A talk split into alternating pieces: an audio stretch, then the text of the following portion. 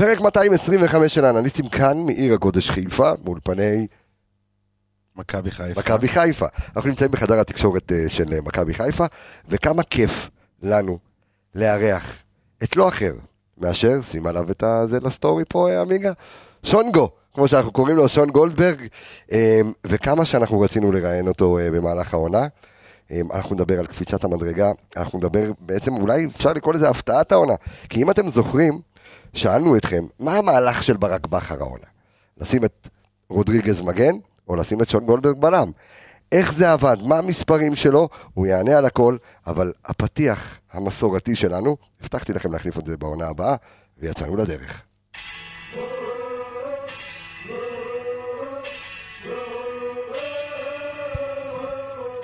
הנה בו את השער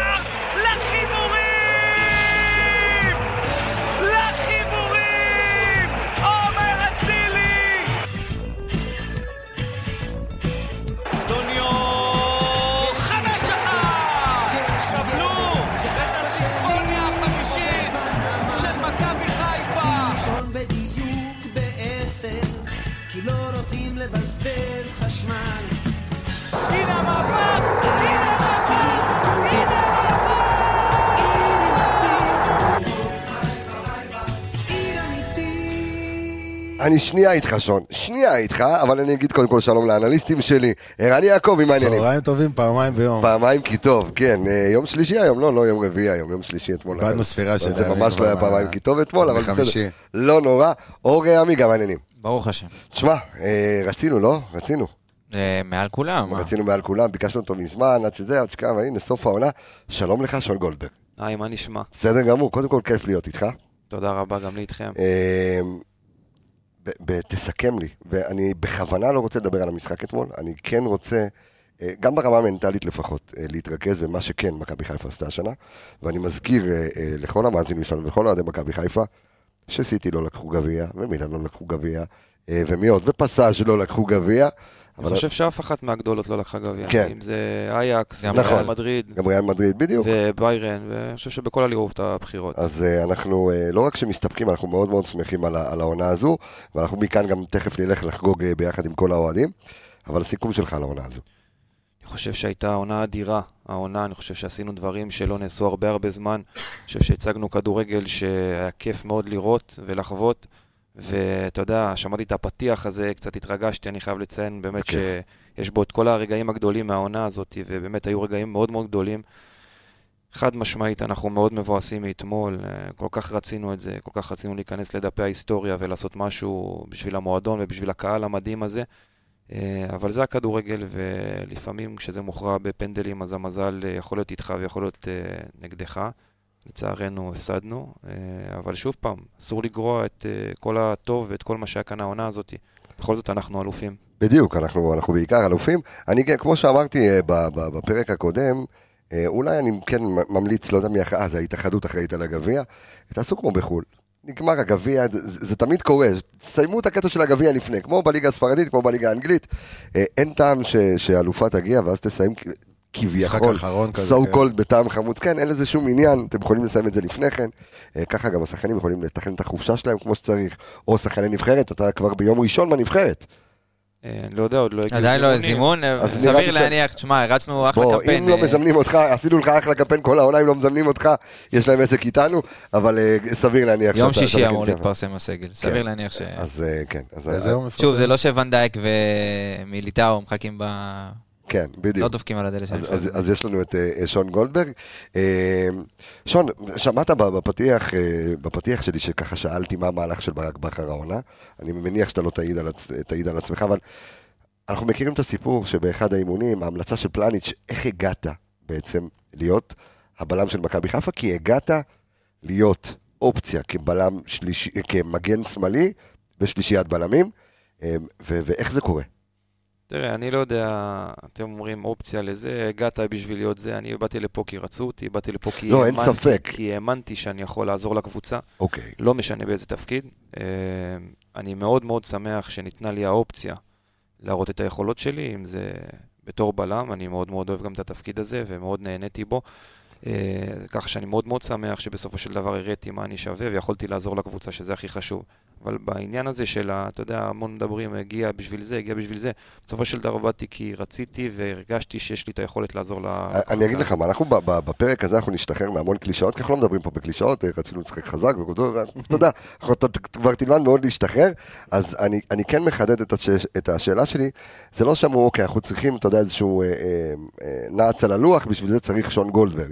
הרי אנחנו יודעים שברק בכר אוהב שחקנים ורסטיליים, אה, שחקנים שיוכלו, אתה יודע, להיות, לשחק במספר עמדות, כדי, אם זה לפעמים לסתום חור, או לפעמים במערך טקטי, לדעת לזוז תוך כדי תנועה, אה, אבל בסופו של יום, אה, לשון גולדברג בשנים האחרונות היה תפקיד של מגן שמאלי או מגן שמאלי בשלישיית בלמים. ו, ו, ואתה עובר להיות בלם, א', מתי שיחקת את זה? אז קודם כל יצא לי במהלך הקריירה לשחק בכל מגוון התפקידים, אם זה אפילו קשר אחורי, וואלה. בלם, בשניים, בשלושה בלמים, מגן ימני, יצא לי. אה, לא בכמו, כמובן ששיחקתי את רוב הזמן אה, בתור מגן שמאלי, אבל יצא לי באמת לשחק את זה. אה, גם בתור בלם שיחקתי, אפשר להגיד, די הרבה, אם זה היה במכבי תל אביב קצת, ובביתר ירושלים ששיחקתי קצת. אני מכיר את התפקיד הזה, זה לא משהו שהוא חדש לי. אבל כן, כמובן שזה התגלה כמשהו נהדר. כן, זה, זה, זה התגלה כמינגו, ועמיגה, לפני השאלה שלך, אתה יודע, היה את הקטע, אתה זוכר, במשחק נגד מכבי תל אביב, אני חושב זה היה, במשחק האחרון מולם, המצ'אפ שלו מול אה, יובנוביץ', וזה היה, כאילו צעקנו ביציע, זאת אומרת, הנטרול הזה, אנחנו צעקנו, כולם, אה, התייחסנו לזה כאילו זה השער, זאת אומרת, היה פה איזה משהו מיוחד. כן, אבל בוא בוא נחזור קצת אה, אחורה, קצת לבייס. כן, יאללה, בוא נלך נחזור רגע. בוא נלך לבייס. כי, אה, תשמע, אין ספק גם אה, עשינו את ההצבעה ונבחר פה אחד, כאילו בי פאר כן. להפתעת העונה. נכון. אה, אתה יודע, אנחנו כמנהלי דיגיטל של אה, אוהדי, של כמעט 28 אלף באינסטגרם, יצא לנו לקבל הרבה תגובות שפרסמנו שאתה ו- עומד 100,000 טוב במכבי בפייסבוק. חיפה. אה, לא ניכנס עכשיו מה אמרו, כמה אמרו, אבל יות- כאילו, אתה יודע, נגמרה העונה, ועושה רושם שהרבה מאוד אנשים לא מכירים באמת מי זה שון גולדברג, הבן אדם. עזוב על המגרש, אנחנו רואים את האישיות, אתה יודע, אבל אתה לא בן אדם שהוא מוחצן, רשתות חברתיות, אתה סוג של עוף, אחר בנוף של הכדורגל. אז בואו אולי תן לנו קצת נגיעה מי זה שון גולדברג. אה, מאיפה להתחיל? רגע, אני אוציא את הקורות חיים. אמ, אני בסך הכל, אה, כן, אני לא, בוא נגיד, מנותק, אני פשוט פחות פעיל בכל הרשתות החברות, טיפה פחות. אה, אתה רואה? שאני חושב שזה עולם ומלואו, כן? זה, לשם הולך העולם, ו- וצריך לדעת להתנהל עם זה. טוויטר, למשל, אין לי עדיין. אוקיי. יש שם אה, אנשים רעים, אני כבר אומר לך. כן, אנשים אנחנו חזקים בטוויטר, יותר בוטים מאנשים. אבל. אה, כן, כן. אה, זהו, בסופו של דבר, אה, אה, אני... אתה בן ג'ודוקה. אדם ש- בן אדם שבדיוק, שאוהב לעבוד קשה, במהלך החיים התחלתי בכלל, אה, אבא שלי התחיל אה, לקחת אותי לג'ודו בגיל 4, הייתי עושה את זה מגיל 4 עד גיל 14. וואה, עשר הייתי שנים. אלוף הארץ בג'ודו גם, וואלה. כן, זה לא הייתי, ידעתי. הייתי טוב. אז יש לך כמה, אז יש עוד. מדליות, לא של אתה רואה את- אתה רואה- אתה רואה את זה על הדשא. אתה רואה את ה... העמידת מוצא. כן, כן. הייתי הרבה זמן בג'ודו, הייתי גם אלוף הארץ, ובגיל שמונה ביקשתי מאבא שלי, הייתי גם לפני זה מטפטף לו שמאוד מעניין אותי הכדורגל. אה, הוא אמר לי, עזוב, תתעסק בג'ודו, אתה טוב בג'ודו, אתה יכול לעשות מזה קריירה, ובוא בוא, בוא נת, נתעסק במשהו אחד, למה להתפזר? ובגיל שמונה אמרתי, מה אני עושה? אני אגיד לו, אבא, אני רוצה מתנה ליום הולדת, שתיתן לי ללכת להיבחן. לחוג כדורגל? כן, זה משהו אבל שגם היה בבית, ראיתם כדורגל בבית? כן, תמיד אוקיי. אהבתי, בתור ילד כל הזמן הייתי עם הכדור. אוקיי. אה, אבל אתה יודע, הוא רצה שאני אתמקד במשהו אחד, משהו שאני גם טוב בו. אה, אז ביקשתי ממנו כמובן ליום הולדת, הוא לא יכל להגיד לי לא, כבר לא היה לו איך להתחמק. ומאז השאר זה היסטוריה, התחלתי לעשות גם כדורגל וגם ג'ודו ביחד, מגיל שמונה, כמובן במסגרת ממש אה, כן. של כדורגל, מגיל שמונה עד גיל 14. ואז כבר היה שלב מסוים שאתה יודע שצריך לבחור, והלב שלי אמר כמובן אה, כדורגל. כדורגל? כן, אה, מה, אבל... אה, ב- בגלל שזה משהו שזה שהיא היא- אולי קצת תהילה שהיא יותר, אה, אה, שהיא באה בקצב הרבה יותר גבוה מאשר אה, פעם ב', אתה יודע, כי אתה, כילד אני מניח שאתה מסתכל רחוק, אתה יודע, רואים אה, אה, יעל ארד אה, ורואים סמדג'ה ורואים, ואתה אומר, טוב, כדורגל זה כל הזמן, זה, או, אם זה להבקיע שערים, או, או מהקהל, זה משהו שהוא יותר, אתה חי את זה הרבה יותר אה, הרבה. אני לא חושב שהייתה הסתכלות כזאת יותר אוקיי. מדי קדימה, יותר היה מה הלב שלך חושב, מה אתה יותר אוהב, מה, מה הפשן שלך. וזה היה תשובה, הייתה תשובה חד משמעית. אה, אז הייתי צריך לבחור כבר, זה השלב שאתה יודע שאתה גם כבר נהיה נבחרת ישראל בג'ודו, והמון נכון. חברים שלי היו בנבחרת ישראל בג'ודו. לא היה כבר אפשרות לשלב בין השניים, אז uh, הייתה פה בחירה uh, מאוד קלה, למרות שגם אהבתי את הג'ודו. אה, אפרופו ג'ודו, אתה שייך למחנה סמאג'ה או... אה, אריק לא, זאבי. יש מחנות, מה זה עופרה? חזה וירדן וירדנה. הערה, כמו כן? שבטניס יש לך פדר, נדל, לא? אה, לא אוקיי. עובד אותו דבר. לא ידעתי שיש מחנות. אני גם לא ידעתי שיש כזה דבר. אמ, זהו, אז מאז אני כמובן הייתי בכדורגל, ותמיד חונכתי על ידי אבא שלי אה, לעבוד קשה ולא לוותר לעצמי בשום צורה, ולהיות צנוע, וזה דברים שגדלתי מהבי, מהבית שלי, גדלתי איתם, עם הערכים האלה, ואני מאוד מאוד שמח, מאוד מאוד שמח על ההצלחה הזאת עכשיו. ואבא שלי יש לו חלק משמעותי בזה, חייב לציין, הוא היה לוקח אותי לכל אימון. למשחקים בחו"ל עם הנבחרות uh, הצעירות, הוא היה נוסע, אין אימון שהוא היה מפספס. עד ממש השנים האחרונות, ששם הוא כבר, אתה יודע, התחיל כבר פחות להגיע, uh, אבל באמת uh, אין עליו, מגיע לו שאפו גדול גדול. איזה- איזה כיף שזה, אתה רוצה להמשיך משהו? הוא דיבר על, אה, אתה יודע, מקודם, אה, מכבי חיפה, ופנו ורצו, אז תספר באמת על הרגע הזה שמכבי חיפה מרימה טלפון בקיץ, הפתיע אותך, מה מה היה התגובה הראשונה, איך זה קרה? אה, הייתי כמובן אה, שחקן בהפועל באר שבע, הם רצו להמשיך איתי, לעשות איתי חוזה חדש, וקיבלתי פנייה ממכבי חיפה, זה היה משהו שכבר היה טיפה מלפני זה, כאילו, זה לא היה שנה, פעם ראשונה שאני מקבל, כאילו, ידעתי שיש טיפה אה, היו גישושים. רצונות. אה, ואז קיבלתי באמת, כן, אה, שיחה מהסוכן שלי שאמר שיש רצון ממכבי חיפה שאני אגיע. ולמכבי חיפה לא אומרים לא. כמובן שמכבי חיפה זה המועדון הכי גדול בארץ, וזה תמיד חלום לשחק במועדון כזה, אז אה, לא הייתה באמת אה, איזושהי עכשיו, שאלה. אבל, אבל כשאתה יודע גם, כשאתה מסתכל, אה, לפחות בתחילת העונה, ואתה רואה אה, אה, פלניץ', עופרי ארד, רמי גרשון, שגם משחק איתך על אותה, על בדיוק אותה עמדה. מגיע. כן, אבל פה עוד לא, עוד לא נלקח בחשבון העניין של בלם, אז אני מסתכל יותר על... אה, אחרי שהסתכלתי על פלניץ' ו- ועופרי ארד, אה, וסן מנחם, וטלב טוואטחה, ואתה אומר, אני הולך להתחרות, ב- ב- אני הולך לבוא שון גולדברג. תראה, שיחקתי נגדם באותה שנה, ידעתי נכון. שמדובר במכונה משומנת, בסופו של דבר קבוצה שלקחה אליפות, קבוצה שמכירה, אה, אנחנו מכירים את כל השחקנים שלה וכולם ברמה מאוד מאוד גבוהה. אה, הרבה שאלו אותי, אמרו לי, תשמע, אבל זה סיכון בסופו של דבר. אה, ללכת להיות בהפועל באר שבע, במקום שמכיר אותך, אוהב אותך, רוצה שתהיה שם מגן ראשון בלי לדבר בכלל.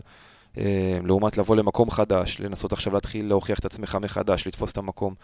אה, אבל חד משמעית, זה מתוך האמונה שלי בעצמי והידיעה שאני יכול להראות את מה שאני שווה, ושאני כן יכול לעזור למועדון הזה ולקבוצה הזאת, ולכן לא חשבתי פעמיים בכלל. החלטתי שאני הולך על אבל זה. יש איזשהו, כמו שיחת אז- ציפיות כזאת, אז- כאילו... אני אגיד לך מה, שנייה לפני שאתה, על התיאום ציפיות, כי אני כן רוצה רגע שתתייחס שנייה אה, אה, ברמה הטקטית, זאת אומרת, איזה ערך מוסף אה, הביא שון גולדברג העונה אה, למכבי חיפה? אני חושב שהרבה, יש לך מין שקט, שקט, שקט נפשי כזה, גם עם הכדור, גם כש- כשתוקפים. אמרת על הג'ודו, אז כאילו ביסודות והכל, אז ההגנה הייתה נראית כל הזמן מאורגנת, אתה יודע, לא מאבדים את הראש, גם אם צריך... אה, נראה לי שאתה מעדיף כאילו לשחק בשני בלמים ולא בשלושה, תקן אותי. אה, לא יודע, מה, ש... לא מה, ש... כאילו. מה שנותנים, אני... אתה יודע, גם שאלו אותי על תפקידים ומה אתה כן. מעדיף. באמת שאני מסוג השחקנים ש... מה שת... איפה שתשים אותי, אני באמת אעשה את המקסימום להיות הכי טוב שאפשר ולעזור לקבוצה, באמת ככה, ולא כקלישאה. בוא נדבר קצת על המספרים של, אה, של שון. טוב, אז בי פאר, אני חושב שאתה... אין פה יותר מדי, כאילו, זו העונה... אתה מגדיר אותה גם כעונה הטובה בקריירה? אה, חד משמעית. אני חושב שהיו לי עונות טובות, גם בעונות אחרות, אני חושב שהייתי במועדונים עם פחות סיקור, אה, ככה שהרבה פעמים, הייתה לי גם שאלה כזאת פעם ששאלו כן. אותי, אני חושב שזה המון עניין של סיקור ברגע שאתה נמצא במועדון הכי גדול בארץ, ואתה עושה עונה כזאת מצוינת, אז כמובן שגם יותר מדברים עליך. אה, אני חושב שהיו לי עונות טובות, אבל אה, חד משמעית שזאת העונה הכי טובה. אז נתחיל עם המספרים שהם... אה, לא, לא סתם אמרתי שזה בי פאר באמת העונה הכי טובה בקריירה, מבחינת, אה, אתה יודע, ה-total actions, האחוזי פעולות מוצלחות, זה העונה הכי גבוהה שלך עם 88 אחוזים בפעולות מוצלחות. אה, מקודם הסתכלנו על הקונפרנס ליג, אוקיי. שאתה יודע, מבחינת מאבקים, אתה, אתה הולך, ל- אתה רוצה תמיד להתמודד בטופ ו- ולהתמודד עם השחקנים הכי טובים, אז דווקא העונה הזאת, אתה יודע שהתמודדנו ב- ב- בשלב הבתים באמת עם קבוצות שהן אה, מובילות באירופה, אז דווקא שם אפילו אחוזים, אחוזי הצלחה במאבקים אצלך היא אחת הגבוהות במפעל. אנחנו מדברים על אה, וואלה. 78 78 אחוז- אחוזים בין הגבוהים במפעל באחוזי הצלחה במאבקים. אה, העונה בליגה, שוב, וזה היה מול מקררים, זאת אומרת, אתה רואה את, אה, כן, אה, בברלין, הוואני. פיינורד, כן. את טימותי הוואני. כן, אנחנו מדברים אפילו ברמת, ערן אמר השקט, אז גם, אתה יודע, העבירות שאתה מבצע, פחות מעבירה למשחק, חצי עבירה, לא היה כמעט עונה כזאת שעשית, גם מבחינת עיבודי כדור, רק אה, 2.3 עיבודי כדור, שוב, זה אולי בגלל השינוי תפקוד, תכף אנחנו ניגע בזה. חילוצי כדור, חילוצי כדור בחצי התקפי, הרבה מאוד פרמטרים שהתקדמת להם, תיקולים, 77 אחוז, הכי גבוה שלך היה 73-4, באמת אה, עונה פנטסטית. אה, והייתי רוצה לשאול, אתה יודע, בהקשר הזה, כמו שערן אמר מקודם, אה, על התיאום ציפיות הזה, כי אתה מגיע, וסביר, תכף ניכנס לעניין המגן, בלם, איך זה קרה, אבל אם יש תיאום ציפיות, כאילו שאתה מגיע לצוות ויש איזושהי שיחה ראשונית, ואומרים, אוקיי, שון גולדברג, אנחנו מצפים ל-1, 2, 3 ממך עונה, לא. איך זה... כאילו, הם יודעים כאילו מה אתה שווה, אבל עדיין אין איזה משהו... אה, משהו מוגדר. לא, לא, לא היה איזה משהו מוגדר, איזה תיאום ציפיות כזה של איזה, כן, היה, הייתה, היה את המחנה אימונים, ואז במחנה אימונים יש איזו שיחה כזאת מסוימת שאנחנו עושים עם הצוות המקצועי. אה, אבל לא היה איזשהו משהו אה, ספציפי שאמרו לי, תשמע, אנחנו רוצים שבמהלך השנה נגיע לככה וככה וככה. באמת נתנו לי לזרום, נתנו לי את החופש, נתנו לי את היכולת אה, אה, להראות באימונים, להוכיח, הרי בהתחלה זה היה טיפה יותר אה, קשה. אה, ראית שפתאום נפתח איזשהו פתח בעמדת הבלם, אה, אבל אה, לא, לא, איזוש, לא היה איזשהו תיאום ציפיות, אבל באמת נתנו לי את כל הביטחון, נתנו לי באמת להרגיש, אני כל הזמן אומר את זה, נתנו לי להרגיש בבית כאן, אם זה גם מבחינת הקהל וגם מבחינת המערכת, באמת נתנו לי את השקט להראות את מה שאני יודע. ואני שמח שזה בסוף יתברר משהו. כדבר נכון. אתה, אתה חושב שאולי זה בגלל זה, אה, אה, כי כביכול שזה הגיע כהפתעה? זה לא משהו שציפו לו? בגלל זה אתה רואה את ה... אולי את ההערכה או, או של, ה, של הקהל, אפילו של התקשורת, אה, כמשהו שלא ציפו לו שאתה תהיה... אני אישית ציפיתי, אני לא, בגלל זה אני אומר, אני לא באתי לפה סתם, באתי כי הייתה לי את הציפייה הזאת שאני באמת יכול uh, לעשות את זה. Uh, אבל יכול להיות, יכול להיות שאתה יודע, אנשים שפחות הכירו, פחות כן, שמעו, לא עוקבים. ידעו במה מדובר. Uh, אני יכול להגיד לך שבמהלך השנים שלי כשחקן, כשהייתי מגיע למקומות והייתה לי תחרות, כמעט בכל מקום שהלכתי, אז בסוף כן הצלחתי לתפוס את המקום שלי, וכן העריכו אותי מאוד מבחינה מקצועית ורצו שאני אשאר במועדון. אז מהבחינה הזאת של אה, אנשי צוות, של אנשי מקצוע, אני כן חושב שהייתה הערכה. חושב שמבחינת אנשים שפחות הכירו, כמו שאמרתי, היה פחות חשיפה, הייתה פחות חשיפה, וברגע שיש פחות חשיפה, פחות מדברים עליך, פחות שומעים עליך. גם אתה לא מדבר על עצמך, זאת אומרת, אתה נותן אני- לשאר לדבר עליך, אז... אני פחות uh, כזה שמדבר על עצמי, נכון. אז uh, מן הסתם כל העניין הזה, זה גם uh, השפיע על זה שכנראה ההפתעה כאילו תהיה יותר גדולה. אבל אני שמח, אה, למה, למה לא? אני מאוד שמח שיש כאן הפתעה ויש כאן איזה, ש... איזשהו שינוי דעה תשמע, אני חושב שההערכה הכי גדולה, כמו שאמרנו בהתחלה, זו נבחרת ישראל. זאת אומרת, זו- הערכה שהיא... זו התשובה. לגמרי, זה כבוד גדול עבורי, וזה דבר שחלמתי עליו אה, מאז ומתמיד. הייתי בכל הנבחרות הצעירות, מגילאי נוער ועד לאולימפית, והשנה לחוות את הנבחרת הבוגרת היה מבחינתי מטורף, וזה היה באמת התרגשות וכבוד גדול. אתה יודע, תוך כדי תנועה, אה, ואתם מוזמנים תוך כדי לרוץ כמה שאתם, כמה לא. שאתם רוצים, אה, אבל אני אומר, תוך כדי תנועה אני אשאל גם את שאלות הגולשים שלנו. השאלות כמובן יהיו אה, מקצועיות, אבל אני, יש שאלה של רלי, שככה מתכתבת עם מה שאמרת מקודם על הנתונים של, של שון ב- ב- בקונפרנס. הוא שואל באיזה משחק היה לך הכי קשה לעמוד הגנתית? וואו, תראה, זה מאוד קשה להגיד, אני לא, לא זכור לי איזה משהו אה, תשמע, ספציפי. ברלין, שהיינו היינו בברלין, אני חושב- וראינו את זה, זה היה... אה, בברלין לא שיחקתי, לא שיחק. אה, נכון, לא בברלין שיחקת לא בברלין, שיחקתי. נכון. שיחק עמי אה, גרשון, אורי דהן, נכון, נכון, נכון. ובוגדן אה, באמצע. אז אני לא יודע, ברלין לא שיחקתי, אבל אני יכול להגיד שכמובן הקבוצות האירופאיות, אתה מרגיש ישר את הפיזיות, ה... את היתרון הפיזי ש... שיש באירופה באמת, וגם שיחקנו נגד קבוצות, אה, חשוב לציין, זה לא רמה של בתים קונפרנס ליג, זה לא, במינימום... בית אה. פיינורד זה בגמר זה מול זה- בדיוק, זה- אתה מבין, זה בדיוק העניין. וסלאביה פראג שהיא קבוצה נהדרת. שלנצח אותה זה באמת משהו אה, מיוחד. אז אני חושב שכן, המשחקים האירופאים הרגשת המון פיזיות, המון רמה טכנית וטקטית מאוד מאוד גבוהה.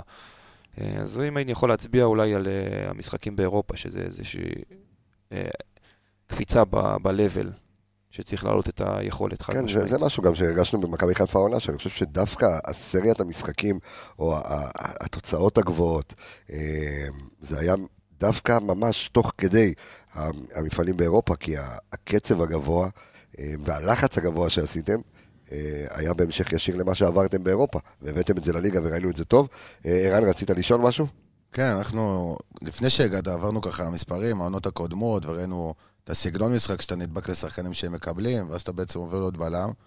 אז איך, איך זה משתלב, כל הקטע הזה של... איך אתה מכין את עצמך עכשיו למשחק כבלם, או איך אתה מביא את המשחק שלך, הרי ראינו את ה... שהיסודות שלך בעצם, אתה אומר מהג'ודו, ושזה עמידת מוצא, אז איפה ב... איפה במחלקות הצעירות אתה בעצם רוכש את העוד אה, ידע, אה, אתה יודע, של כל היסודות האחרים של ההגנה, מתי כן לצאת לשחקן, וכל שחקן הוא הראשוני, אמרת שחקן באירופה, אחד שיותר פיזי, ובארץ יש לך גם סגנונות שונים, פריצה, ופתאום זה אנסה, אז איך לכל אחד כזה מתכוננים אחרת? אז גם דיברת על מחלקות נוער, אז גם במחלקות הנוער אה, יצא לי לשחק כבלם, ככה שזה תפקיד שכבר אה, הכרתי, ואני שנייה, מסכים איתך חד ב- במחלקת משמעית. הנוער של מכבי תל אביב שיחקת גם וגם, או רק... גם אה, וגם, גם וגם. אוקיי. יצא לי לשחק המון בתור מגן, אבל אוקיי. גם אה, יצא לי הרבה בתור בלם. תלוי במאמן, תלוי ב- כן. בצורך שהיה. אבל שיחקתי את שני התפקידים, את שניהם אני באמת מכיר מצוין גם מאז. אה, אתה צודק לחלוטין, יש הבדל גדול בין מגן לבלם בצורת החשיבה, במיקום שלך במגרש. באמת צריך להפעיל הרבה יותר מחשבה לדעתי בתור אה, בלם, כי יש לך הרבה יותר, יש קודם כל יותר אחריות. זה כן. תלוי, נגיד מגן זה תפקיד שהוא לדעתי מבחינה פיזית טיפה יותר קשה. בעצם צריך לחרוש את כל הבלם, הקו. ה- בדיוק, אבל בתור בלם לצורך העניין, אז, ובמיוחד במכבי חיפה, הכדור עובר דרכך המון. אתה צריך להיות עם הרבה אחריות, כי אתה בכל זאת השחקן האחרון במגרש. אז מבחינת הנעת כדור, אתה צריך הרבה יותר אה, אה, לחשוב לפני הפעולה. אתה צריך לדעת את האופציות שהולכות להיות לך, אה, לדעת אה, לחשוב צעד אחד קדימה. ומבחינה הגנתית, חד משמעית, אתה צריך אה, להבין שלפעמים בקבוצה כמו מכבי חיפה, שאתה עומד גבוה, אתה לוחץ, הרי אנחנו משחקים מאוד גבוה, אנחנו משחקים מאוד התקפי. אז uh, צריך לדעת, uh, להסתכל על סגנון השחקן שאתה משחק נגדו, כמובן, אם הוא מהיר יותר, אם הוא שחקן שאוהב לקבל את הכדור לגב יותר, יש בזה המון. Uh, אז אני מסכים שיש גם שוני בין מגן לבלם, אבל uh, הכרתי את התפקידים, אז uh, אני פחות או יותר כן ומול, יודע. ה... ומול הסוגי החלוצים האלה, כאילו, אתה יודע, אחד אה, יותר אה, רץ לעומק, אז אה, איך, איך מתכונן בעצם אה, אחד כמו אנסה, אתה יודע שהוא הולך לרוץ לך, איפה לחכות לו והכל, אתה יושב, רואה קטעים שלהם וכאלה? אז זהו, אז, אז, בוא, אז בוא נחדד את השאלה, כן. אה, כי זו גם שאלה שהגיעה אה, גם דרך הקהל.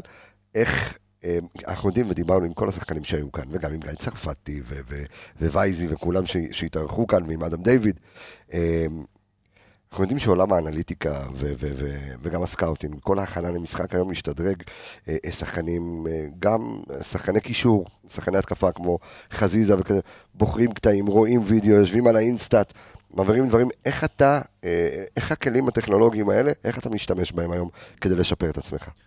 אז יש תשובה מאוד מאוד קלה. אה, קודם כל, יש כאן צוות אנליסטים נהדר, והוא עובד אה, בסינרגיה מאוד מאוד טובה עם אה, הצוות המקצועי. וזה הזמן, סליחה, זה הזמן לציין את, ה- את החבר'ה, החבר'ה שלנו, את אה, מאדם דיוויד ויקיר קצה ואייל גבאי ו- וגל אבידן וכל החבר'ה וכל הצוות באמת הרחב של האנליסטים שעושים פה, אה, וגל שטרנברג פיש וכל החבר'ה שעושים כאן באמת עבודה צוות מדהימה. מדהים, באמת צוות מדהים, גם מבחינה אנושית וגם מבחינה מקצועית, באמת ראויים לציון.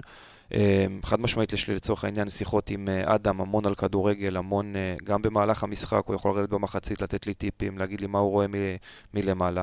אה, כן, יש, ל, ל, אני גיליתי את העולם הזה גם, לא, לא מזמן בסופו של דבר. וואלה. בשנים, כן, בשנים הראשונות פחות, בשנים האחרונות יותר. דרך אגב, גם בהפועל באר שבע, שי שלום שמש וכל החבר'ה שנמצאים שם, חבר'ה של אנליסטים, העולם הזה מתגלה ואתה אתה זה עולם משתמש בזה. שמתפתח. לגמרי.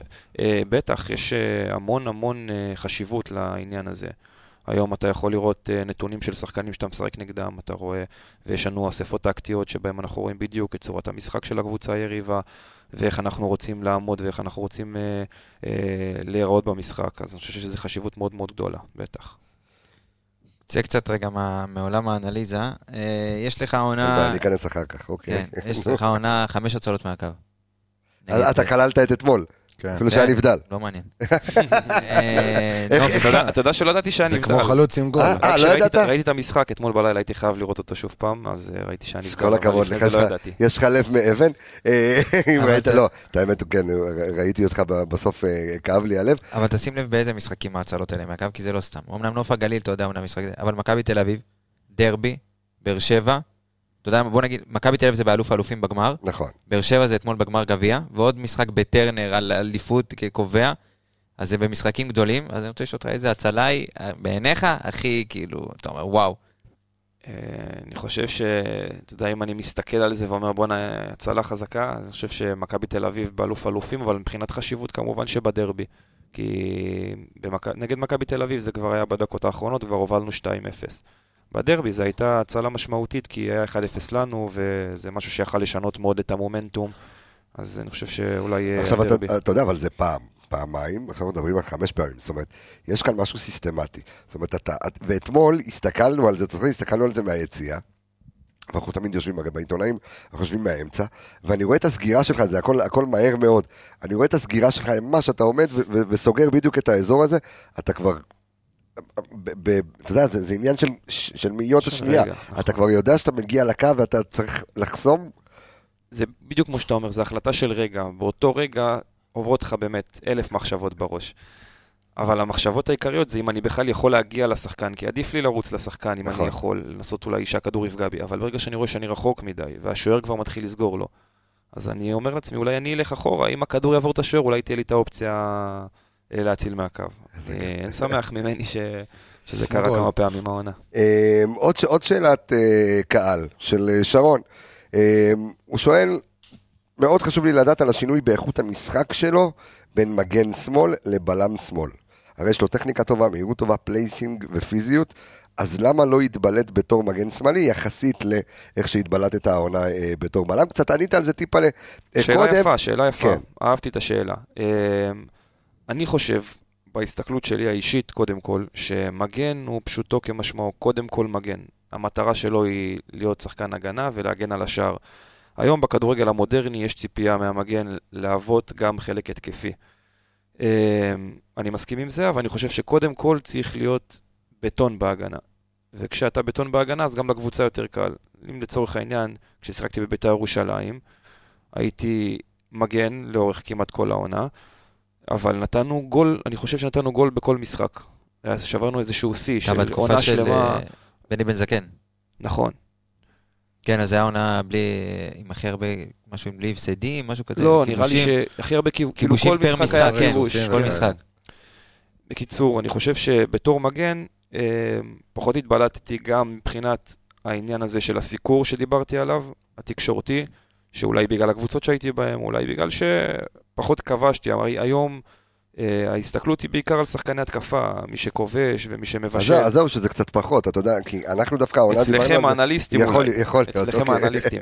אבל בסופו של דבר אני חושב שהגנה זו אומנות בפני עצמה. וכן לאט לאט מתחילים להעריך אותה גם בעולם, אתה רואה שהיום אה, קונים שחקני הגנה פתאום בסכומים יותר גבוהים, כי יש הערכה, מבינים שהחלק ההגנתי הוא מאוד מאוד חשוב.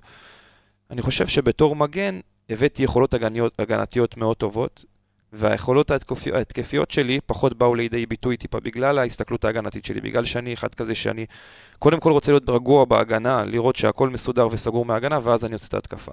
אולי בגלל זה היה איזשהו אה, פחות... אה, אבל יכול להיות, כי, דיבור הסת- על הנושא כי, הזה. כי גם השנה שיחקת כמגן שמאלי במכבי חיפה, אה, ואתה מסתכל, ואת- ועכשיו קודם כל יש לך דריבל טוב, ואתה מגיע, ועכשיו אני, אני רואה אותך תוך כדי ריצה, חושב מתי אתה, אני עושה את הקרוס, אה, באיזה חלק, אז איפה, איפה אתה חושב שאם עכשיו אתה חוזר לעמדת המגן השמאלי, מה אתה צריך בעיקר לשפר שם? אני חושב שבכללי כדורגל זה הרבה עניין של ביטחון. ברגע שיש לך את הביטחון, גם הפעולות באות הרבה יותר בקלות, אה, וצורכות פחות מחשבה אה, שגורמת לך בעצם לעיכוב מסוים, וגם עיכוב של חצי שנייה, זה עיכוב. זה עיכוב רציני שמונע ממך לעשות את הפעולה בצורה הטובה ביותר. אה, אז אני חושב שקודם כל ביטחון זה דבר מאוד מאוד חשוב, אז אם יהיה את הביטחון ויש אותו, אז אה, בכל תפקיד, אה, זה לא משנה איפה תשים את השחקן, אם יש לו את הביטחון, הוא יעשה את הפעולות יותר באלגנטיות ויותר טוב. וזהו, חוץ מזה, אתה יודע, לדעת לקבל את ההחלטה הנכונה זה משהו שבא עם המשחק ולפעמים... זה קבלת החלטות רואה- בעצם. לגמרי. קבלת החלטות, דיברנו על זה בפרק הקודם, כן. אני רוצה, דיברת מקודם על מחלקות נוער, ושאתה גדלת גם מכבי תל אביב, גם בלם, גם מגן. אה, אתה חושב שמפספסים פה אה, במחלקות האלה אה, אה, שחקני הגנה? אנחנו רואים פה שלא מתפתחים בסופו של דבר כמות, אה, אתה יודע, מדברים הרבה על בעיות הגנה בנבחרת ושחקנים ישראלים. אבל אתה חושב שהם מפספסים פה, אולי, אתה יודע, לוקחים שחקנים שהם בהכרח אה, פיזיים וגדולים, ושמים אותם מגנים. תחילת שנתון כזה, שמים אותו בלם, אחד שהוא פחות איך לשים אותו מאחורה, אבל לא באמת כאלה שרוצים, אתה נהנה מזה. כאלה שרוצים להיות אה, שחקני הגנה. אה, אני חושב שלא צריך ללכת לפי, לפי טייפקאסט מסוים, זאת אומרת בלם גבוה, בלם. זהו, זה לא, כי יש המון דברים. אחרים. אני חושב שלמשל גובה לא תמיד משפיע. צריך שיהיה לך ניטור טוב, עם תזמון טוב, וזה יכול לחפ... לחפות על גובה. או אם יש לך יציאה טובה מהמקום, זה מאוד מאוד חשוב, אתה מבין? אז אם הבלם גבוה אבל לא מהיר, אז יש בעיה. ואם הבלם גבוה אבל התזמון שלו לא נכון, אז אה, נחמד שהוא גבוה, אבל הוא לא יגיע בהכרח לכדור, כי החלוץ ינטר בדיוק בתזמון הנכון. אה, אז חד משמעית, אני חושב ש... אתה יודע, אה, לא צריך לקבוע לפי טייפקאסט מסוים, בייחוד לא בגיל צעיר, כי אתה מדבר על גודל למשל, לפעמים הפערים האלה מצטמצמים פתאום באיזשהו גיל, ו... ופתאום הגבוה הזה הוא בעצם הכי נמוך בקבוצה. וזה קרה לי לא מעט ב... בתור אה, נער, שהיה לנו איזה מישהו ענק, ופתאום הכל. השתנה והוא נהיה דווקא יותר נמוך מכולם. אתה יודע, הוא היה מטר, לא מטר אחראי. שבעים כשכולם היו מטר חמישים, ובסוף הוא נשאר שבעים וכולם אה, עברו אותו. אה, זהו, חוץ מזה... אבל יכול להיות שבהמשך למה שהוא אומר, ודיברנו על זה, אני חושב גם עם רז מאיר, כי זה חשוב לשמוע דווקא אותך בעניין הזה. האם פחות סקסי להיות בלם? כי אם אני לא. מסתכל, לא, אני- מדבר בכלל על התפיסה. אה, אוקיי. כי אני מסתכל היום בעולם, ואתה יודע, פיגורות כמו, תיקח פיקה, או סרחיו רמוס, או אנחנו, או היום במנצ'סטר סיטי, אתה מסתכל על שהם פיגורות, ואולי ברמה התקשורתית, או ברמת, דיברנו על, על, על דיגיטל, אולי פה בארץ, דווקא אה, חבר'ה כמוך, בלמים, פחות מקבלים איזושהי תודעה שעושה חשק לילד שנמצא בנערים א', ב', ג', אה, ואומר, עזוב אותי, אני, תן לי, אני רוצה להיות אה, בהתקפה. אתה יודע איך זה, זה טבעי, אני זוכר בתור ילד גם. היית, נותנים לך לבחור, אתה רוצה להיות חלוץ, אתה רוצה לתת את הגולים. נכון. זה הדבר הכיף. פה נמצאת התהילה באיזשהו אופן. אבל אני חושב שזה קצת השתנה, אני חושב שגם היום בדיוק אתה מדבר על אה, ונדייק ו... ורובן. דיאז, ו- בן- ו- בן- כל- רוברטסון כל גם שחקני ההגנה, באמת, אה, סרחיו רמוס, כן נוצרה מסביבם איזושהי עילה, כן מבינים שיש אה, עניין בשחקני הגנה. אני באמת חושב, בדעה שלי, שהגנה זאת אומנות, אמרתי את זה גם, וכן צריך להעריך אותה. אה, אז אני חושב שאתה יודע, בסופו של דבר המציאות היא שמי שכובש ומי שמבשל הוא מקבל את רוב התהילה, אבל אני חושב שזה מתחיל להשתנות היום, וכמובן שיש בזה ערך גדול, כן? בסופו של דבר אתה רוצה לנצח. אם תהיה לך ההגנה הכי טובה בעולם, אבל לא יהיה את מי שייתן את הגול אם אתה לא תנצח. אז חשוב שיהיה לך גם שחקני אה, התקפה מצוינים. אבל uh, אני חושב שמתחיל להשתנות קצת, מתחילים, אני לפחות מרגיש שכן יש uh. במכבי חיפה בקרב האוהדים המון הערכה כלפי שחקני הגנה גם. גם ההתקפה מתחילה מאיזשהו- מאיפשהו, דרך אתה יודע, אגב, דיברנו על זה עם גיא צרפתי, הוא אמר שרוב ההת- רוב ההתקפות של מכבי חיפה מתחילות מבוגדן ושון. נכון. אז זה כאילו- לגמרי, אז הנה זה, אתה אומר אולי עוד קלישאה, אבל זה כל כך נכון שההתקפה הרבה פעמים מתחילה מההגנה, והרבה פעמים ההגנה מתחילה מההתקפה. זה חייב לבוא ביחד. אם, ההתקפה לא לוחצת טוב ואנחנו לא קרובים ולא קומפקטים, אז אנחנו לא נהיה מספיק. טובים. יצאו מאיתנו בקלות והכל יהיה הרבה יותר קשה. ככה שהפעולה, גם ההגנתית וגם ההתקפית, חייבת להיות קבוצתית ב-100%, ואנחנו צריכים להיות כמו מכונה משומנת. כי אם זה לא קורה, אז אנחנו נתקלים בבעיות. זה כמו בעיקר השנה, גם במרבית המשחקים, תכף גם נדבר על הפלייאוף העליון, אבל גם במרבית המשחקים ראינו את ההגנה מאוד מאוד גבוהה. אתה, ו, אתה ובוגדן ממש על קו החצי, זאת אומרת, אתם גם מזיזים את הכדור קדימה אה, ו- ומתחילים את, את ההתקפה. נכון, זה ה-DNA שלנו, זה ה-DNA שברק אה, השרה בנו, ואנחנו רצים איתו כבר הרבה זמן, זה כבר משנה קודמת, אני גם כששיחקתי נגדם, אני זוכר שהם עמדו מאוד גבוה ולחצו אחרי עיבוד כדור. זה ה-DNA שלנו, כדורגל התקפי וחי ותוסס, ואני חושב שיש לו תוצאות בשנתיים האחרונות מדהימות. חד משמעית. אז אני רוצה עוד איזה שתי, טוב, זה בכלל לא שאלה פה, אבל ליעד כותב שהוא לא רוצה לשאול כלום. אני רוצה להגיד לו שהוא הבלם הכי טוב בארץ בפארק, ותודה על עונה מדהימה. אה, אבל שואל כאן מתן גוררי. שאלה מעניינת, ואפרופו אנחנו מדברים עכשיו על הגמר גביע, אחרי הגמר גביע, אה, כאחד ששיחק גם עם מיגל ויטור וגם עם אה, פלניץ', איך אתה רואה את ההבדל בין שני הבלמים הללו? אני חושב שזה סגנונות שונים, אני יכול באמת להגיד לך שהיה לי עונג לשחק עם בוגדן השנה, באמת. אני חושב שיש לו איכויות מדהימות, ומעבר לזה שהוא שחקן טוב, הוא גם בן אדם מדהים, ואני חושב שחוץ ממנו, בכללי, החדר הלבשה שלנו, מבחינת אישיות של כל שחקן, זה משהו לא רגיל. אני חושב שזה בא לידי ביטוי במגרש. ובפרט בוגדן, שאני חושב שהוא בן אדם מדהים ושחקן עם איכויות מדהימות, והיה לי תענוג לשחק לצידו. ואני חושב שגם אה, אפשר לראות את המספרים, אתה יודע, אנחנו לא סתם ההגנה הכי טובה בליגה. גם אה, הוא לעומת שנה שעברה, אה, בגללך הוא זז צד. זאת אומרת, אה, הוא הפך להיות בצד שני, ואז הוא גם... ראינו את האיכויות שלו, מה שראינו פחות בשנה שעברה, דווקא בצד הנגדי, כי אתה תפסת את, עמדת הבלם שמאל. אה, כן, הוא עבר צעד. אה, אני אגיד לך מה, בתור בלם, חשוב מאוד שתהיה לך תקשורת טובה עם הבלם השני, ושיהיה לך את הביטחון בבלם השני. וברגע שזה נמצא, אז הכל הרבה יותר קל. כשאני יודע שאני יכול לתקוף שחקן, ויש לי את בוגדן מאחורי הגב שלי שיחפה, אם הכדור יעבור אותי, אז אני סומך עליו בעיניים עצומות, ואני יודע שהכל בסדר. אז אה, חד משמעית, אה, מאוד מאוד נהניתי מהשיתוף פעולה איתו, ואני מקווה שנמשיך ככה. יש איזה שחקני הגנה בעולם שאתה מסתכל עליהם ואתה לוקח מהם השראה, נגיד לצורך העניין דיברנו עם רז מאיר, אז הוא דיבר שהוא אה, מאוד אוהב את אה, קייל ווקר מסיטי. יש לך איזשהו שחקן שאתה לוקח ככה, אתה מתביית עליו יותר? ברור, אני חושב שאין לי שחקן ספציפי אחד, אבל אני חושב שיש לי המון אנשים, שאני, המון שחקנים שאני לוקח באמת מכל בן אדם משהו. אם אני יכול ללכת אחורה, זה לקנברו, שלמרות הגובה הוא הוכיח שלא שלו, צריך גובה כבלם. עם לב ונשמה ו- ואתלטיות וחוכמת משחק, ובאמת, היה לו באמת הכל, ולא סתם זה, אני חושב שהוא השחקן הגנה היחיד בהיסטוריה שלקח כדור הזהב, נכון? אם אני לא טועה. כן. כן. אה, אז הוא מבחינתי היה משהו מדהים, ולראות אותו באמת היה עונג. וגם שחקנים היום, אני רואה אם זה ונדייק, ש... שאין דברים כאלה. והחוכמת משחק והטכניקה, והיום, בדיוק כמו שאנחנו מדברים, הכדורגל הוא לא נהיה רק הגנה. זה הרבה אה, מסירות מקדמות, זה הרבה כדורים מצד לצד, זה הרבה לבנות את המשחק בתור בלם. וזה נהדר לראות, יש המון שחקנים מאוד מאוד איכותיים בעולם, מאוד, שאני רק לומד מהם. אפרופו אה, שחקנים איכותיים, אז עוד שאלה של יגאל ששואל אותנו, אה, אה, כבלם נמוך, הוא כותב גם בלם לא גבוה, כי אנחנו פה ליד שון אז הוא לא נמוך, אתה מבין שצריך ללמוד מיקום של כדור כמו ריבאונד, במקום לנסות להילחם בראש על כל כדור בגובה? ושתיים, שאלה שנייה שממשיכה, האם כבלם אתה מעדיף להיות בלם מחפש סטייל ורן, פיקה הצעיר או פרדיננד, או בלם מוביל כדור, כמו רמוס, פויול, וידיץ', מה מרגיש לך טבעי יותר? אז לגבי השאלה השנייה, אני חושב שהשילוב ביניהם, זה בדיוק העניין, לדעת uh, גם להיות uh, מגן וסטופר, וגם לדעת להוביל את הכדור ולבנות התקפה. לגבי השאלה הראשונה, נמוך, אני לא יודע על מה אתה מדבר. מטר 80 זה לא כזה כן, זה נמוך. ממש לא נמוך. אה, אה, הוא כנראה יושב בצפוני עליון.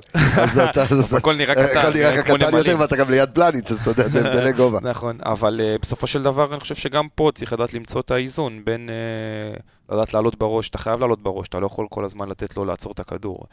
Uh, אם אתה, למשל בסלביה סלביה פראג uh, היה שחקן uh, אחי, המחליף אה, שלהם, מחליף עם ה... כן. מספר 22 אני לא טועה, שהוא היה. בנזיר רציני. אז עם אחד כזה, אם אתה רואה שהכדור די נמוך ואתה לא עכשיו יכול להתחיל לדחוף אותו, אז אתה שומר אותו חזק וקרוב עם הגוף ונותן לו לאבד את הכדור, לנסות לעצור, אבל עם הלחץ שלך הוא לא עוצר אותו טוב. אבל אם יש לך אפשרות לעלות, אני חושב שעם תזמון טוב וניטור טוב, שאני יודע שיש לי, אני יכול, יכול להג- להגיע להרבה כדורים. אני חושב שהוא באמת, כי העונה, איזה כיף לדבר איתו כדורגל, כן. אה? כיף, אני חושב שהוא התבלט- אני- אני חולה על הרעיונות האלה. הוא התבלט כל כך, כי הוא באמת, כמו שאמרת, אתה הצלחת לשלב את זה, גם, אתה יודע, מטר שמונים, אבל ראינו במשחק נגד מכבי נתניה, שבגול הראשון לדעתי, שעלית בגובה, אז כמעט אה, יכלת לתקן את המנורות בסמי עופר, וגם עם ההובלת כדור, אני חושב שזה משהו שאנחנו רואים, כאילו, גם לקחת את זה מה, מהבלם, שאתה יוצא קדימה, אבל אולי אה, כשאתה באמצע, יש לך יותר שטח. אולי יש, אה, אתה יודע, נגיד אתמול לצורך העניין, ראינו שזה פחות הלך, נתנו יותר לבוגדן להוביל. אבל אנחנו רואים באמת שאתה לוקח את השילוב בין ה... אה, גם הפיזיות וגם החוכמת משחק והשקט, ונותן את הערך המוסף, ופה בדיוק ההפתעה הגדולה, אני באמת, אתה יודע, אנחנו כל שבוע מנתחים, ואם יש משהו שאמרנו לאורך כל העונה, גם במשחקים פחות טובים של מכבי חיפה, תמיד שון גולדברג, שומר על יציבות. הוא שומר יציבות בלנס, ומשחקים כן. טובים, לא משנה איפה שיחקנו ונגד מי, גם במשחקים פחות טובים, גם הפסדים, תיקו, תמיד אה, שמרת על, אה, על יציבות ועל אה, רמה מאוד מאוד גבוהה. זה לא שאלה, קח את זה אה, כמחמאה. אוקיי, תודה- אה, אוקיי. תודה רבה. זה לא. שאלה, לא, לא, לא היה שאלה. אז יש פה אחלה. שאלה של איתן, אה, קודם כל גם- גם השאלות של המאזינים שלנו, אחלה שאלות אתה הם- בוחר, אני חייב לציין. הם כן, מקצועיות. מאוד, כי הם רגילים, הרגלנו אותם אה. באמת אה, לשיח כזה. ועכשיו משהו שזה איזושהי אנקדוטה קצרה, אבל זה מחזיר אותי לגמר הגביע מול הפועל באר שבע. שואל איתן סגל, למה לא היית ברשימת הבועטים?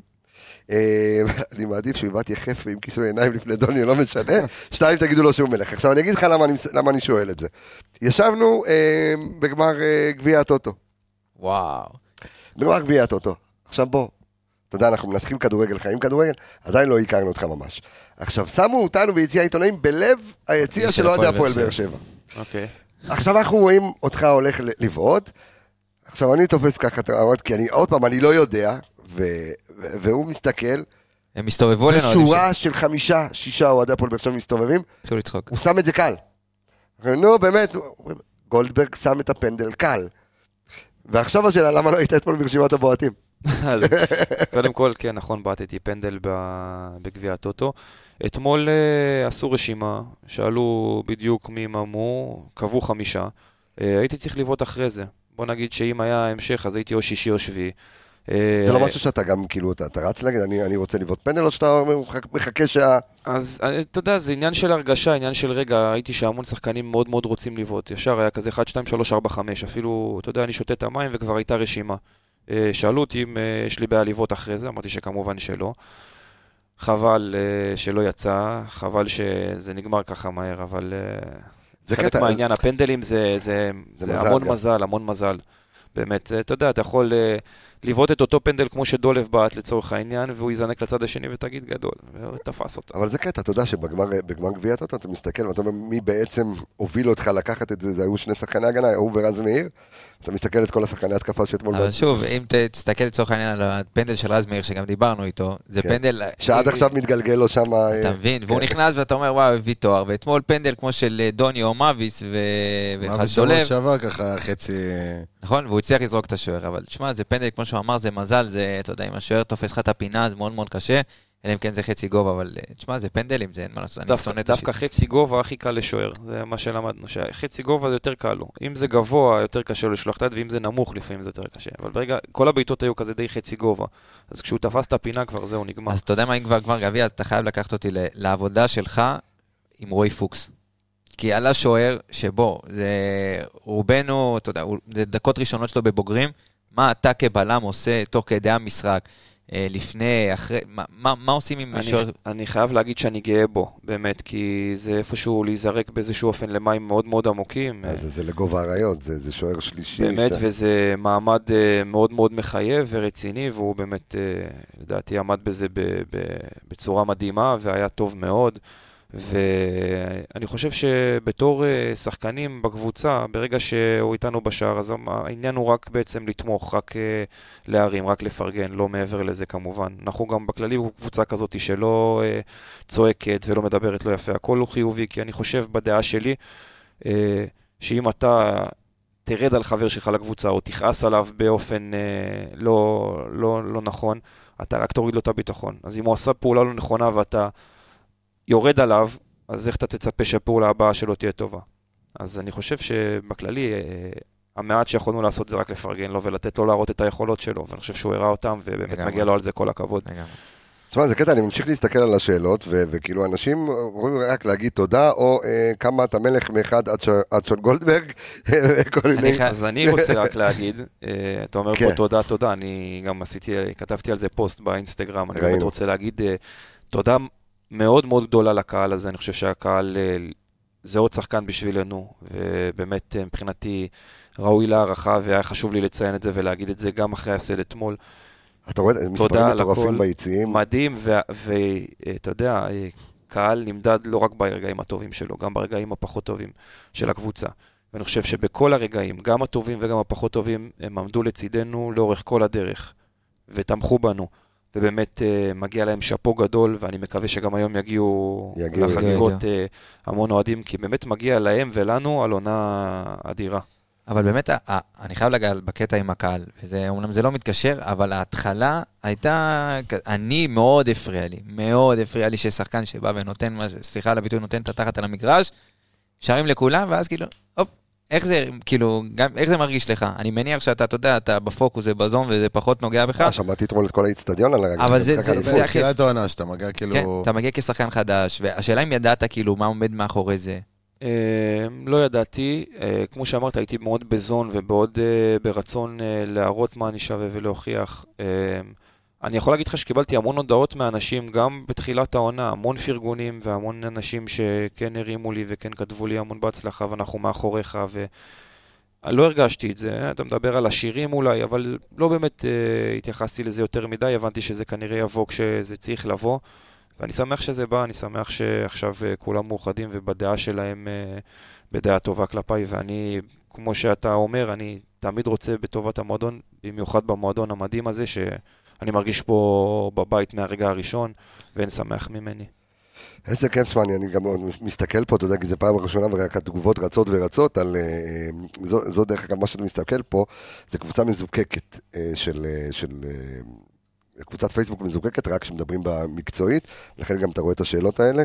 קבוצת הפייסבוק שלנו, שאם, כן, יש לנו, כי אנחנו ב total כמעט על 250 אלף איש אה, ברשת, אבל רגע, שנייה, פה אה, איציק כותב, מודה שאני אוכל את הכובע בענק עם שון, דה-דה-דה. כמה אנשים אכלו כובעים השנה? יש מחסור בכובעים, אה, מחסור לדעתי. בכובעים, כן, נו, צריך להסתכל. כן. אבל אה, יש פה את ליאור ששואל פה מלא שאלות, אה, שאלות טקטיות, אז אבל אני אקח, נבחר את השלישית. פעמים רבות אנחנו רואים את שון יוצא טוב עם הכדור קדימה, אך מתקשה למצוא מסירה מקדמת. האם הוא לא חושב שיש בעיה בתנועה של השחקנים שלנו לשטחים פנויים בעומק? לא, אני לא חושב, אוקיי. אני חושב שיש לנו שחקנים איכותי, הכי איכותיים בארץ. אה, ושרי, אם אתם בתור אנליסטים רואים את זה, הוא יודע תמיד להיות במקום הנכון בין החורים, לקבל את הכדור אה, כשיש לו את הזמן ולהקשות כמה שיותר על השחקן היריב. אבל כשאנחנו משחקים נגד קבוצות שהולכות מאוד מאוד אחורה ועומדות על ה-16 וממש שוכבות על השער שלהן, אז כמובן ברגע שאתה מוביל כדור אז יש צפיפות הרבה יותר גדולה ואז לקבל החלטה מקדמת וחכמה ונכונה היא לא תמיד ההחלטה הטובה. לפעמים עוד פס פשוט לרוחב, עוד פס פשוט לקשר האחורי, שהוא ינסה למצוא את הפתרון, זה יכול להיות יותר טוב. אז יכול להיות שעל זה הוא מדבר, אבל... לפעמים ברגע אתה אומר משחק- מישהו חכם ממני יכול לעשות את הפעולה חכמה יותר. לא, אבל פס שלי יכול להיות בזווית יותר טוב, להגיע לשחקן שנמצא בזווית יותר טובה למצוא, למצוא את שרי לצורך העניין מאשר אני. אם אני אוביל את הכדור, נכון? אז יכול להיות שעכשיו יש לי איזשהו בלוק מסוים. נכון. אבל אם אני אתן לפאני כדור טיפה קדימה, ולא תהיה זווית יותר טובה למסור לשרי, אז עשיתי בזה את אותו דבר. אז עשיתי אני פעולה פשוטה במרכאות, שגרמה שגרמה לזה לפעולה. שהפעולה הבאה תהיה טובה יותר. ונגד קבוצות שמשחקות אה, מאוד צפוף ומאוד נמוך, אז כמובן שהרבה יותר קשה לתת מסירה מקדמת חכמה.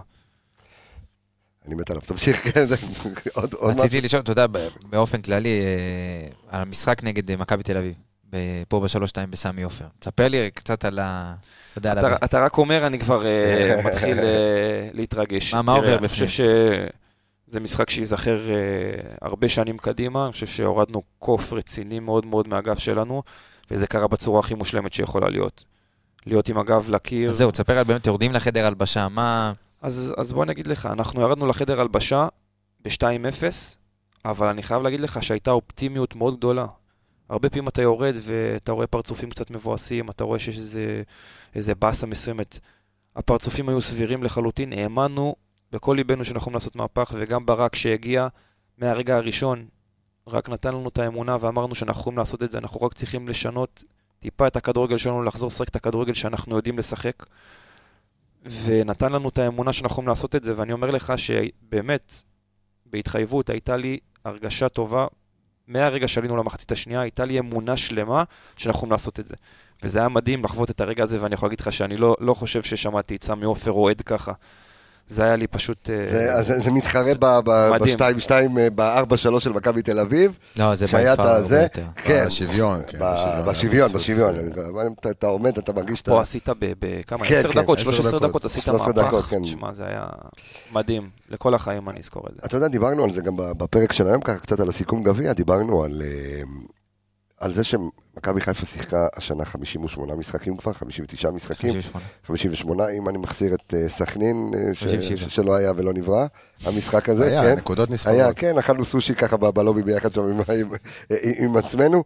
אה, האם באמת, אה, גם הפגרה הקצרה שהייתה אה, כהמשך לעונה הקודמת, וגם המסע באירופה ששיחקתם, גם מול קבוצות שאתם צריכים להוציא הרבה יותר מעצמכם, גרמה לכך שהגעתם לפלייאוף עם הלשון בחוץ. אני לא יודע אם להגיד הלשון בחוץ, כי אני חושב שבסך הכל עשינו אחלה פלייאוף. אני חושב שהיה פלייאוף מאוד מאוד קשה. מאוד קשה. וראינו את זה... גם אם אם אנחנו הקבוצות. מבודדים את צבירת הנקודות של הפלייאוף, מכבי חיפה גם שם במקום הראשון. בדיוק, שניצחו זה. בדיוק כן. העניין, שהיה אה, פלייאוף קשה. כולן איבדו נקודות, והיו לכולן משחקים שנראו פחות טוב.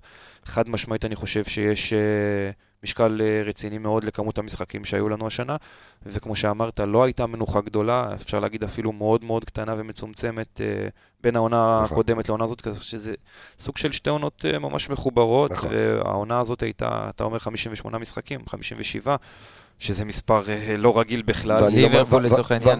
ועל זה יש שני את משחקים. הנבחרת. בדיוק, ועל זה אני מחשיב משחקי נבחרת. נכון, ואני בטוח שזה משפיע טיפה, ואני שמעתי הרבה דיבורים על היכולת שלנו בתקופה האחרונה, אני לא חושב שהיא הייתה כל כך גרועה, אני חושב שהיא הייתה פחות טובה ממה שאנחנו הצגנו באמצע העונה, שזה נכון. העשרה ניצחונות הרצופים, שזה משהו שהוא לא היה הרבה שנים. ואני חושב שבגלל זה חשוב לציין שהייתה לנו עונה נהדרת. אני חושב שכבשנו המון המון שערים, קיבלנו הכי פחות גולים. לא, אנחנו ספק, אני- אני שלטנו, שלטנו בסופו של דבר וללא בליגה. עוררין, אני חושב שבכל פרמטר העונה, אה, אה, אה, גם התקפי וגם הרבה הגנתי, גם מכבי חיפה מובילה בכל פרמטר. זו הייתה עונה שבאמת, אני חושב שהיא עונה היסטרית, עם הרבה מהמורות תוך כדי תנועה. הרבה שחקנים שפתאום נפצעים ו- וקורים דברים. אין ספק. האם, אבל יש עייפות בסוף, אני מניח. זאת אומרת, מה אמרת שאנחנו שיחקנו משחק אחד, אולי פחות מ... שני משחקים פחות פחות מליברפול. מליברפול. אתה מבין? שזה... מטורף, חד משמעית. חד משמעית יש אה, את עייפות החומר, זה, זה ברור, אנחנו בסופו של דבר אה, בני אדם והגוף צובר עייפות. אה, וכמו שאמרת, פציעות, שזה קורה בכל אה, מועדון לאורך הדרך. הגדולה זה לדעת להתמודד עם כל הסיטואציה, לדעת להתמודד עם הקושי, עם העייפות, עם הפציעות, וכקבוצה, לדעת להשלים אחד את השני. ואני חושב שהשנה, לא משנה מי שיחק, וזה גם uh, התשובה הברורה לכך היא מכבי נתניה במשחק האחרון. נכון. לא משנה מי uh, נכנס למכונה המשומנת שלנו, uh, זה אמור להיראות אותו דבר, ואני חושב שהראינו את זה הרבה פעמים השנה. אני חושב שהראינו כד- כדורגל חיובי, כדורגל שכיף לראות, ואני בטוח שה, שהקהל נהנה. אני חושב שזה אחד המשחקים, אתה מדבר אפרופו מול מכבי נתניה, גם אתה, דיברנו על זה ברמה הטקטית, כשאתה מפתיע את בן הילה מול קבוצה שבאמת לוחצת מאוד מאוד גבוה. קבוצה אחרי באר שבע אולי לא, אפילו יותר אגרסיבית מהפועל באר שבע. שוב, אבל האגרסיביות שם היא יותר. שונה. היא שונה, כן. היא שונה, כי שם הם באים, כאילו, הם באים אגרסיבית כדורגל. כדי לשחק כדורגל. ולא לעצור את אה, המשחק. בדיוק, באר שבע פרובוקטיבית, אה, ואז המעבר ל-352, ולעשות באמת למשחק שהוא לפינאלה, לגרנד פינאלה של העונה, של עונת האליפות, זה באמת היה משחק אה, פנטסטי. אה, יש עוד אה, דברים, כן. עוד מספרים של שון, דברים שאנחנו... הייתי, אני רוצה לשאול, קודם כל, מה מבחינת מצבך לקראת שנה הבאה? אתה נשאר? יש לי עוד חוזה לשנה הבאה, אה, ברור. יופי, תודה רבה, אנחנו. רגועים. אפשר לקפל, ביי. כן, אבל מה מה המטרות של, קודם כל שלך מעצמך, לקראת עונה הבאה, ואיפה אתה רואה את מכבי חיפה, אתה יודע, איפה- כי בסופו של דבר עשינו עונה שהיא היסטורית גם למכבי חיפה. זה פעם ראשונה בהיסטוריה של מכבי חיפה לא קראת שלושה תארים בעונה. נכון. נכון שהיינו יכולים לעשות עונה היסטורית בקנה מידה ישראלי, חבל לגמרי. וזה פספוס, אבל אה, שוב, איך... איך מתקדמים מכאן? כי אנחנו תמיד רוצים להשתפר ולהיות, אה, לה- להשיג אפילו יותר, אז איפה... נכון. אה, כמובן בפן האישי, כמובן להמשיך את הגרף החיובי, את העלייה והשיפור, ואני חושב שיש הרבה פרמטרים שתמיד צריך לשפר אותם. אני חושב שזאת המטרה הכי חשובה שלי מבחינה אישית, להמשיך ולהשתפר. אה, מבחינה קבוצתית, אני חושב שקודם כל ליהנות מהרגע. אה, אמנם זה טיפה חמוץ בגלל אתמול, כשיכולנו לעשות פה משהו שלא היה. יודע, עבר לי כבר. אין חמוץ, אין אני- חמוץ. אני אתן לך את ה- אני עובר אתן לך- במהלך היום. עבר לי כבר. אני אתן לו את זהו, האנלוגיה. אז אני- מאמין שעכשיו פה, איך שאנחנו נתקדם עם האוטובוס לעבר החגיגות, כבר הכל יישכח. רגשות תעביר את תן- לו את האנלוגיה. תקח את האנלוגיה. עכשיו שאתה תלך תמלא לוטו, תזכה ב-30 מיליון שקל, והיה חסר לך מספר אחד כדי להביא 40. אתה תשמח על ה-30 שהרווחת או תבכה על העוד 10 מיליון? סיכמת את זה יפה מאוד. זה הכל. כן. יהיה קצוץ קטן, קטן. לא, לא, אין בעיה, אין בעיה. וואי, בוא, יכולתי להביא 40, אבל 30 אני לא... גם לא יודע. אמר- גם פתחנו את זה ש- נכון. שלפעמים כדי להעריך אה, אה, עד כמה אתה טוב כמקום ראשון, אתה לפעמים צריך להיות מקום שני, זה נותן לך קצת אה, פרופורציות וזה בסדר. חד משמעית, אני באמת מאמין בזה שצריך לדעת גם להפסיד אם אתה רוצה לדעת לנצח. אבל הדרך הייתה אכזרית, כאילו פנדלים, הגעת כן, כבר נכון, לסוף, נכון, נכון. אני חושב שהיינו שתיים, שתיים. מרחק כל כך קטן, כל כך קטן מכאילו מההיסטוריה הזאת, וזה באמת ככה מה שגם ביאס אותי מאוד אתמול. תשמע, אתה יודע, ריגשת אותה, כאילו אני ראיתי, שלחו לי את זה בקטעים, כי אני לא יכולתי לראות, את- דרך אגב, הגעתי כאן לקראת חמש בבוקר, הגעתי לחיפה. אה, אבל את זה שבאמת אה, היית עם דמעות בעיניים, וזה קרה כל לב של כל אוהד, אני חושב שזה גם אה, אה, חיבר, אם כבר עד עכשיו התחברו אליך, המון אמוציות. המון אמוציות. יודע, אתה ג'ודו, קשוח, ו- כן, ופתאום אתה מתפרק כל- לך. נכון, כי כל כך רציתי את זה. כל כך רציתי שנעשה פה משהו בלתי רגיל, כל כך מגיע למועדון הזה, כל כך מגיע לכל השחקנים ולצוות ולאוהדים המדהימים האלה. הייתי בטירוף לקחת את זה. וברגע שהפנדל האחרון אה, הכריע את. ההחטאה האחרונה הכריעה את המשחק, אז אה, באמת אה, עלו בי המון המון רגשות, ולא הצלחתי להסתיר את זה. אה, אבל זהו, זה בדיוק העניין, יש לנו את החוק 24 שעות נכון. הזה. אז יש עכשיו לך חוק אה, חופשה. אז עכשיו הוא. ירד טיפה כי יש את החגיגות ויאללה, נכון. ואנחנו יוצאים לדרך חדשה ועשינו עונה אדירה, אדירה ואף אחד לא ייקח את זה מאיתנו. אה, יש לך עוד משהו חוץ מהנתון שהיה לנו באמת נתון אה, חריג? העונה, על, אה, לא, על, אה, אה, אה. שזה גם נתון חריג, אה, אה, אבל לא. אה, כן, יש לנו, אה, אנחנו, מסגרת הנתון המטומטם. אנחנו אה, אנליסטים, אבל יש לנו אה, אה, כמעט בכל כמה פרקים מסגרת הנתון המטומטם, אז היה נתון אחד אה, שהוא גם היה שותף אליו, שלושה. בלמים עם קוקו פעם הראשונה ראשונה, בהיסטוריה. אבל כן. זהו, דאגו כבר, דאגו כן, לעופרי, דפק כן, את זה. לסיים כן. עופרי עופרי הוריד את זה, אה, וגם את שרית חדד, שדרך אגב, זה, אה, תן לו את הנתון של שרית חדד, תקבל? בבקשה. נו. אז ככה, אה, בעונת 2000, ואנו מדברים רק על גמרי גביע. שרית כן. חדד וגמר גביע זה לא הולך ביחד. אני אסביר לך למה. בעונת 2003, הפועל באר שבע נגד הפועל רמת גן, ששיחקה בליגה הלאומית, עיריית באר שבע הכינה במות בווסרמיל, וסגרה הופעה של שרית חדד, הפועל באר שבע הפסידה להפועל רמת גן. בעונת 2018, אגב, נראה לי שאתה היית באחת הקבוצות, יכול להיות הפועל חיפה נגד ביתר ירושלים. הייתי בביתר ירושלים. היית בביתר ירושלים. ירושלים, עיריית ביתר- אה, עיריית ירושלים סגרה אה, בגן סאקר הופעה של שרית? חדד. לפני, לפני, הפסד- הפסדת את הגמר, עיריית חיפה. ועיריית חיפה סגרה את עדן בן זקן, יומיים לפני הגמר החליפה לשרית חדד, והפסדנו. אתה חושב ששרית אשמה? זה 3-0. אז אז אני אגיד לך מה, דווקא הסטטיסטיקות האלה נועד- נועדו להישבר. מתישהו. אהבתי את הקלישה בסוף. את זאת הייתה המטרה אולי. אני אומר, לסגור הציפייה. מעכשיו לעונה הבאה, לגמר אוי. ואבוי, לא לא הייתי לוקח את הסיכון הזה לסגור איתה עוד פעם. אה, אם אתה סוגר איתם מעכשיו, אתה אף סיבוב ראשון. כן. שון, אה, תשמע, אני באמת, היה כיף אדיר אה. להיות- להיות איתך אה, בפרק הזה. אה, תקראו לזה הפתעת העונה, אני מקווה שבשנה הבאה, כמו שאמרת, זה כבר לא הפתעה. הג- זה זה מה זה כמו. ג'אבר. זה מה שאמרתי, שגרף ההשתפרות שלך, או, או, או אפילו, אתה יודע מה, גם, גם אם זה יהיה יחסית יציב, אז כולנו נרוויח, ושלא תגיע הפתעת העונה בשנה הבאה. אה, אני חושב שהכי חשוב, וגם בהמשך למה שהוא שאל אותך, יש איזה שהם, איזה שהם חלומות על... אה, לא, לא, לא, אל תתחיל. מה? לא, אל תגיד, לא, אירופה. לא, לא, לא, לא, לא, אה. דיברתי על האירופית. לא להכניס את לא, לא. דיברתי על האירופית. לא, לא, עוד פעם, נדבר גם ברמה הקבוצתית, ברמה של מכבי- אה. חיפה קצת. חושבים, כי גם בגלל שהעיפו את הרוסיות, אז יש אופציות אולי, אתה יודע, קצת יותר להתקדם, חושבים קצת, אה, מבח- אה, מבחינתך, חלום הא- האירופי? ברור, ברור. אני חושב שיש לנו את היכולת לעשות את זה. זה כמובן קשה מאוד וזה לא דבר קל, ובגלל זה אנחנו לא רואים את זה ככה כל שנה בכדורגל הישראלי. אבל מכבי חיפה זה מועדון שנלחם על כל התארים ורוצה להגיע הכי רחוק שאפשר. וכמובן, הוא גם עשה את זה כמה פעמים, או פעם אחת, תז, תזכיר לי כמה פעמים היה ליגה. צ'מפיונס, פעמיים, פעמיים, פעמיים. נכון? פעמיים.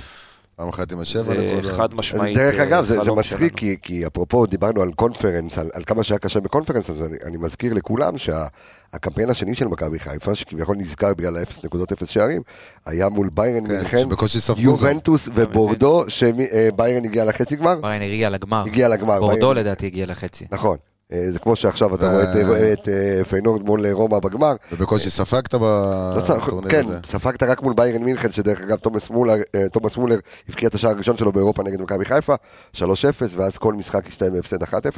אבל כן, אני חושב שזה חלום, אה, אתה יודע, אם לא צ'מפיונס, אז לפחות אה, ליגה אירופית. חד משמעית. ליגה אירופית חוויתי, הייתי נכון. בליגה האירופית, ואני חושב שזה אחלה, אחלה מעמד, זה כיף, באמת כיף גדול, זה חוויה מטורפת, וזה אה, כיף גדול, אבל אה, טוב, כמובן שהחלום שלנו יותר גבוה מזה. אני חושב שמי שלא, חושב, מי שלא חולם גבוה, לא יגיע גבוה גם. אה, הכל תלוי בניטור. הכל תלוי בניטור, לא בגובה. הוא גם ניצח פעמיים את אה, סלאביה פראג. נכון. נכון. יש לו את הרפרטואר. שון גולדברג היה תענוג אדיר להיות איתך, נהניתם? תודה רבה לכם. תשמור על עצמך בנבחרת, תעשה לי טוב. תשמור על עצמך בנבחרת. עוד להיות זימונים. כן, כן. בסדר, אנחנו נדאג. אנחנו נסיים את זה. שון גולדברג, תודה ענקי, תודה על העונה הזו אה, שנתת אה, אה, לכולנו, ואנחנו נתראה בעונה הבאה. תודה רבה לכם, היה לי העונג לשבת לדבר איתכם. תודה.